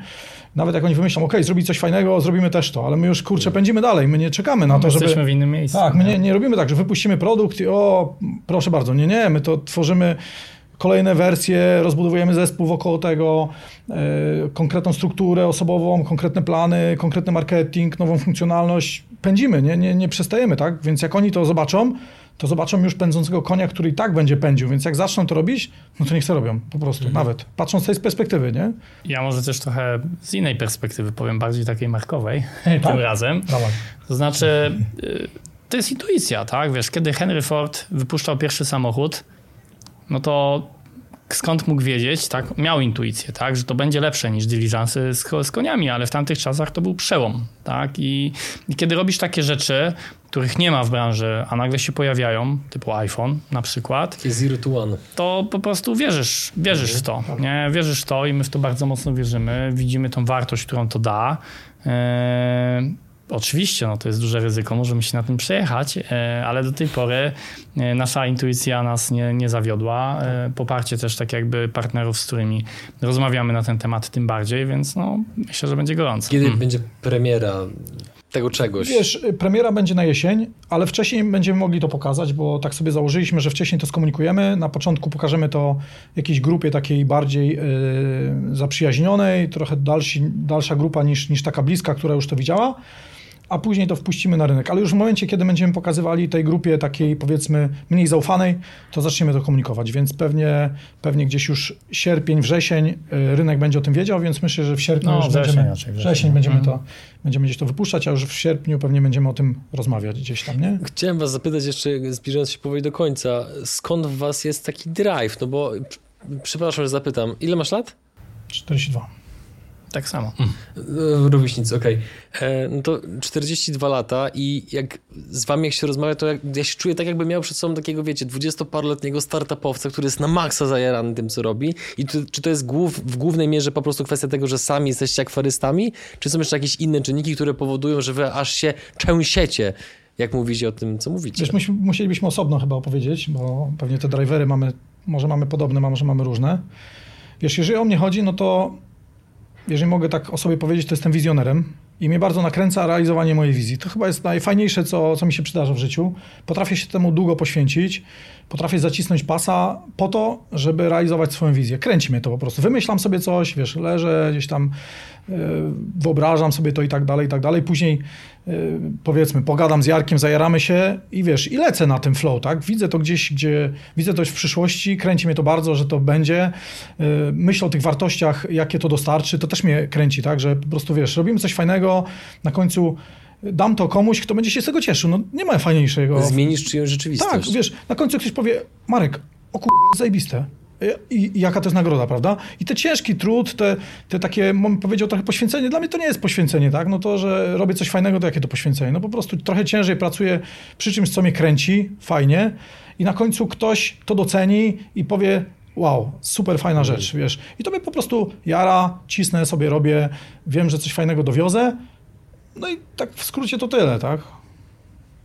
Wiesz Co, no ja wiele się nie różnię od tego, co Marek powiedział, nie? Fajnie. Zawsze gdzieś tam, czy to Vivid Games, czy teraz Riff Factory, to, to była dla mnie jakaś pasja, która z czegoś wychodziła. W przypadku gier bardzo mnie kręciło to, że ludzie po prostu w te gry, które robiliśmy i robimy cały czas, grają. E, To, to, to jest mega, tak? Idziesz na ulicy i widzisz, że ktoś gra w twoją grę, albo pisze po prostu opinię. Natomiast e, Riff tak, tak de facto, e, no mógłby ktoś powiedzieć, no po co mu to, tak? W sensie miał jedną firmę, która osiągnęła fajny sukces. Z perspektywy finansowej nie narzekam i jestem zadowolony, więc równie dobrze tak jakby mógłbym nic nie robić. Natomiast zawsze mam coś w sobie, co powoduje, że chcę zrobić coś więcej, coś ciekawszego i chcę się rozwijać przy tym. Coś tam drapie w E, środku. Tak, i tutaj może taka mała dygresja. Zawsze w Vividzie, kiedy e, jakiś fajny menadżer albo fajny product owner odchodził do innej firmy, e, to ja mówiłem, że słuchaj stary, ja ci zazdroszczę. I wtedy wszyscy mieli takie oczy, jak no kurde, odchodzę z twojej firmy, a ty mi zazdrościsz. Ja mówię, wiesz co, no bo Ja w pewnym sensie jestem niewolnikiem tej firmy, bo pracuję już tam naście lat, no i nie zmienię sobie tak pracy z dnia na dzień, tak? E, oczywiście mam dookoła super ludzi, od których dużo mogę się nauczyć, ale jednak ja jestem gdzieś tam na górze i większość tak jakby czerpie ode mnie, a kiedy ty idziesz do innej firmy, to masz możliwość obcowania w zupełnie innej e, strukturze, z zupełnie innymi ludźmi. Dużo szybciej możesz się tego nauczyć. I to jest mega. I, i, i tego ci zazdroszczę. I w pewnym momencie właśnie, kiedy gdzieś tam założyłem akwarium, poznałem Marka, to wpadłem na pomysł, mówię, kurde, zajebiście, mogę zrobić inny biznes, w którym będę zupełnie innych ludzi poznawał, będę robił zupełnie coś innego, nie stracę tego, co mam w Vividzie, a tutaj z drugiej strony się rozwinę i mam nadzieję, że tak jakby te dwa biznesy, jeden, drugi będzie się uzupełniał i tu i tu będę przynosił wartość. To rzeczywiście super zadziałało e, i co więcej, jeszcze też fajna sprawa, no jednak ten sprzęt, te urządzenia to jest coś namacalnego, tak? E, to, to możesz dotknąć to urządzenie, możesz zainstalować, więc jest tak troszkę mm. inaczej niż z grami. My mamy soft, tak jak w grach, ale oprócz tego jest coś, coś co wiesz, coś się postawi przy tym akwarium, zrobi tą fotę, się tym zajara, zajara, wszyscy na to patrzą, mówią wow, super. No i na koniec dnia też, no może takie błahe, ale jednak tak jakby ratujemy wiele tych zwierząt dzięki te, tej technologii. E, one nie, nie, nie, nie zdychają. Łatwiej się tak akwarium prowadzi. Jest, jest łatwiej, prościej, więc, więc super, nie? Wiesz, no mega, mega uczucie, nie? A przy okazji myślę, że przez te trzy lata nauczyliśmy się w sumie dłużej niż 3 lata, tak? Ale nauczyliśmy się tyle, czego normalnie pewnie przez 10 lat bym się w, nie, w żadnej firmie Ostatnio nauczył, z Jarkiem siedliśmy w dwójkę, wiesz, bo my, my się czujemy skromnie, skromnie, powiedzmy tam, skromnie, jesteśmy pewni siebie, ciśniemy i tak dalej, i tam nie, nie opierdzielamy się, ale usiedliśmy w dwójkę i mówimy, ja ale jaką robotę zrobiliśmy, nie? Ze sobą sami, wiesz, tą mm. rozwojową, bo jednak no. tempo było ogromne i wiesz, nigdy nie siedzieliśmy, nigdy nie było takiej sytuacji, że nie, nigdy nie było takiej sytuacji, że że myśleliśmy o sobie, że nie wiemy, jak coś zrobić, albo w ogóle, że wiesz, tam narzekamy, tylko po prostu taka kreatywność, aha, to tak, tak kombinujemy, jak to po prostu, jak, jak to zrobić, jak to, jak to dowieść w odpowiednim czasie, nie? I wiesz, i przez to, że tak, takie mieliśmy zawsze nastawienie takie na, na, na, na pójście do przodu, ostre, i że tak po prostu się rzeźbimy, bo naprawdę się rzeźbiliśmy, nigdy tam się nie oszczędzaliśmy w dwójkę, e, no to po prostu się mocno, wiesz, zbustowaliśmy się, rozwinęliśmy i teraz, wiesz, jak zatrudniamy nowe osoby, naprawdę dobre i tak sobie no, patrzymy, patrzymy, tak trochę człowiek czasem się porówna do kogoś, no to wiesz, mówimy o kurna, nie? Ale żeśmy robotę zrobili, co? I tak ostatnio siedzieliśmy i tak sobie w dwójkę, po dwa zdania wymieniliśmy się, wow, mówimy, ja pierdziela, żeśmy robotę zrobili, nie? Panowie, przedostatnie pytanie. Jakie było najdroższe, najbardziej odjechane akwarium, jakie widzieliście w waszej historii zawodowej w tym sektorze? Wiesz co? E, akwarium w no bo wiesz, jest, zależy na jakim rynku mówimy, tak? Bo tych akwarii jest mnóstwo. E, Bez podziału, najbardziej odjechane, najdroższe żeby no, pokazać w Polsce, w Polsce, w Polsce akwarium, takie w domu prywatnym, y, bo to chyba o domu prywatnym warto powiedzieć, to najdroższe, jakie ja znam, no to jest ponad milion złotych, tak? Czyli osoba prywatna zainwestowała sobie ponad milion złotych w akwarium i to jest, to jest w Polsce najwię największe. Na świecie, są, na świecie są dużo droższe. Ciężko mi powiedzieć, ile tam ludzie wydają w Ameryce, w sensie tak jakby, y, tak ci dać z autopsji, no bo ja w mm. Ameryce tam y, nie mam takiego doświadczenia, ale w Polsce to jest milion złotych, w Ameryce podejrzewam, że no grube pieniądze, tak? kilkanaście, tak? kilkanaście milionów, milionów pewnie dolarów. Akwaria wielkości pokojów. Tak, tak, tam są naprawdę już duże pieniądze zainwestowane w takie zbiorniki w domu. Panowie, gdyby ktoś chciał z wami podbijać świat, to gdzie ma się zgłosić, gdzie ma się odezwać, gdzie ma napisać? Niech nas szuka na LinkedInie, e, łączy się, odzywa tak. na Facebooku, na Messengerze. Śmiało, zapraszamy. Mm. Drodzy widzowie, słuchacze, naszymi dzisiejszymi gośćmi był Jarosław Wojczakowski oraz Marek Protasiewicz. Panowie, bardzo, ale to bardzo dziękuję za rozmowę, za tą otwartość. Mam nadzieję, że to zainspiruje po pierwsze wiele osób do tego, żeby wprowadzić pewne zmiany w ich firmach. E, a wam bardzo, bardzo dziękuję, bo ja się po prostu nawet świetnie bawiłem. Ja się naprawdę świetnie z wami bawiłem. Dziękuję wam za wasz czas. My również dziękujemy. dziękujemy.